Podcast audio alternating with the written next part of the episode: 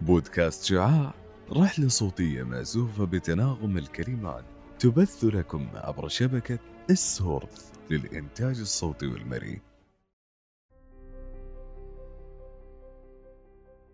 أهلا وسهلا بكم أعزائنا المستمعين. معكم فاطمة وهذا بودكاست شعاع حقل إداري. عنصر بشري عقد ومقابلة. كفاءات عالية. ما بين هذه المسميات؟ يعزف تخصصنا العظيم على الأوتار بهذا البيت. أنا القلب النابض في تنظيم الأنشطة. لكن هل سبق أن تناغمت مسامعك على هذا اللحن؟ هنا مع بودكاست شعاع. سوف نعزف أحلى الألحان. للتعرف على الأبيات كاملة عن تخصصنا الموارد البشرية.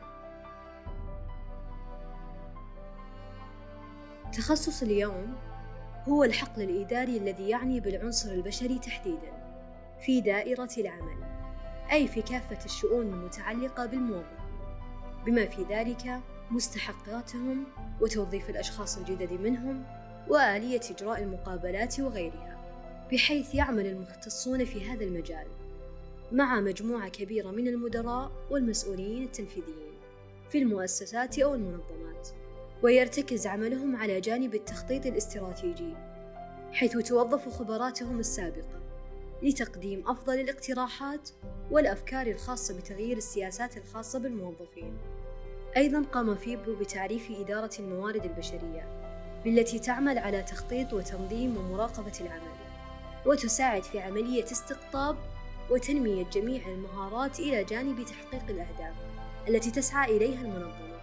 ويكمن الهدف الجوهري لهذا التخصص في توجيه الموظفين ضمن حدود الشركة. تخصصك من صفاتك. وكل شخصية تمتلك ما يميزها عن الآخر. وهنا يتبادر السؤال. كيف تصبح مسؤولا أو مديرا في قسم الموارد؟ يجب عليك عزيزي المستمع أن تتسم بهذه المهارات أولا مهارة التواصل يجب على موظف إدارة الموارد البشرية في أي مؤسسة أن يمتلك القدرة على التواصل مع العاملين في المؤسسة من أجل إدارة مهامهم بفعالية. ثانياً، مهارة تعدد المهام. يتعامل موظف الموارد البشرية مع العديد من الأمور في نفس الوقت، مثل مشاكل الموظفين، وعمل الاستراتيجيات، وتعيين الموظفين، وإدارة أمورهم داخل الشركة. ثالثاً، امتلاك مهارات أخلاقية العمل من أهم الصفات التي يجب أن يتحلى بها موظف الموارد البشرية داخل الشركة هي أخلاقيات العمل وذلك يعود لأنها ضمير الشركة وأمناء معلومات الشركة السرية التي يجب الحفاظ عليها. ثانياً، القدرة على التعامل مع الأمور غير واضحة، أن يتصرف مع معلومات غير كافية، فيجب أن يعرف وقت طلب المساعدة من الزملاء أصحاب الخبرة. كذلك يجب عليك أن تمتلك مهارات التركيز، مهارات التنظيم، مهارات المفاوضة، والتواكب مع متغيرات الإدارة، حيث أن التغير سمة دورية في جميع المؤسسات الناجحة. ومهمة الموارد البشرية هنا أن تساعد الموظفين على التكيف مع الإدارة والتغيير الجديد. وهنا سوف ننير العقل بمعرفة إيجابيات هذا التخصص. التعامل مع الأفراد والموظفين بمختلف شخصياتهم. إمكانية صنع فارق. فرصة لتوسيع العلاقات والخبرات. توفير جميع بيانات الموظفين وجميع الأدوات الإدارية المطلوبة. تنوع الأعمال. أي لا يشعر مدير إدارة موارد البشرية بأي ملل. تعزيز العقل والتفكير. فهو يعمل دائما على إحراز تطور مستمر في الاستراتيجية وتطوير الأداء. أخيرا اكتساب مهارات تخطيطية إدارية بشكل استراتيجي وتطبيقها في الحياة العملية. وفي المقابل هناك بعض السلبيات أيضا ومنها ضغط العمل منافسة قوية في المجال متابعة جميع أعمال الموظفين وكل ما يتعلق بهم بشكل مستمر ودوري. هناك بعض الضغط في اتخاذ قرارات إدارية. وبعض الموظفين ليس لديهم المعرفة الكاملة أو القليلة حتى عن طبيعة عمل مدير الموارد البشرية. يتجاهل الموظفين تقييم مدير الموارد البشرية لأدائهم. وأيضا تنفيذ القرارات صعبة في بعض الإدارات العائلية. أما عن المؤهلات العلمية لدراسة هذا التخصص يجب أن يكون الطالب حاصل على الثانوية العامة. بمختلف مسارات الثانوية العامة سواء كان مسارا علميا أو أدبيا أو تجاريا.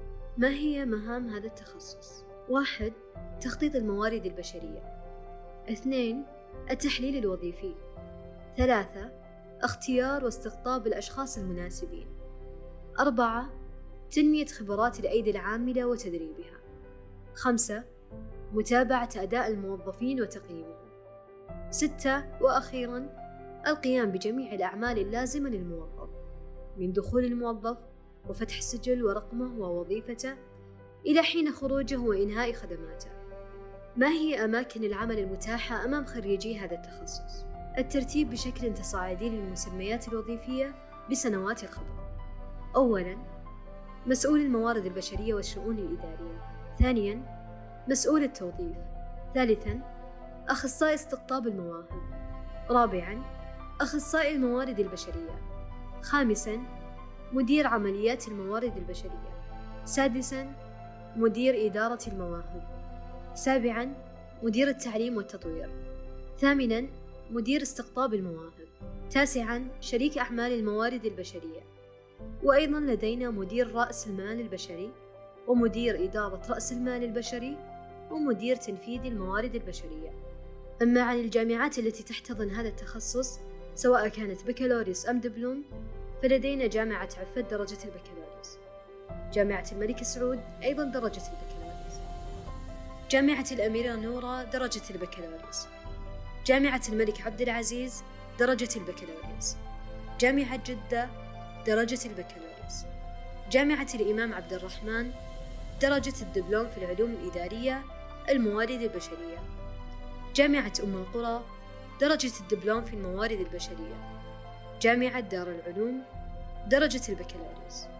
وختاما لهذه الحلقة. تعزف أوتارنا مسك الختام.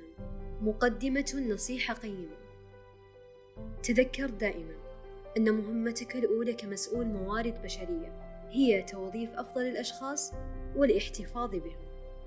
دمتم بخير ونلقاكم في حلقات قادمة.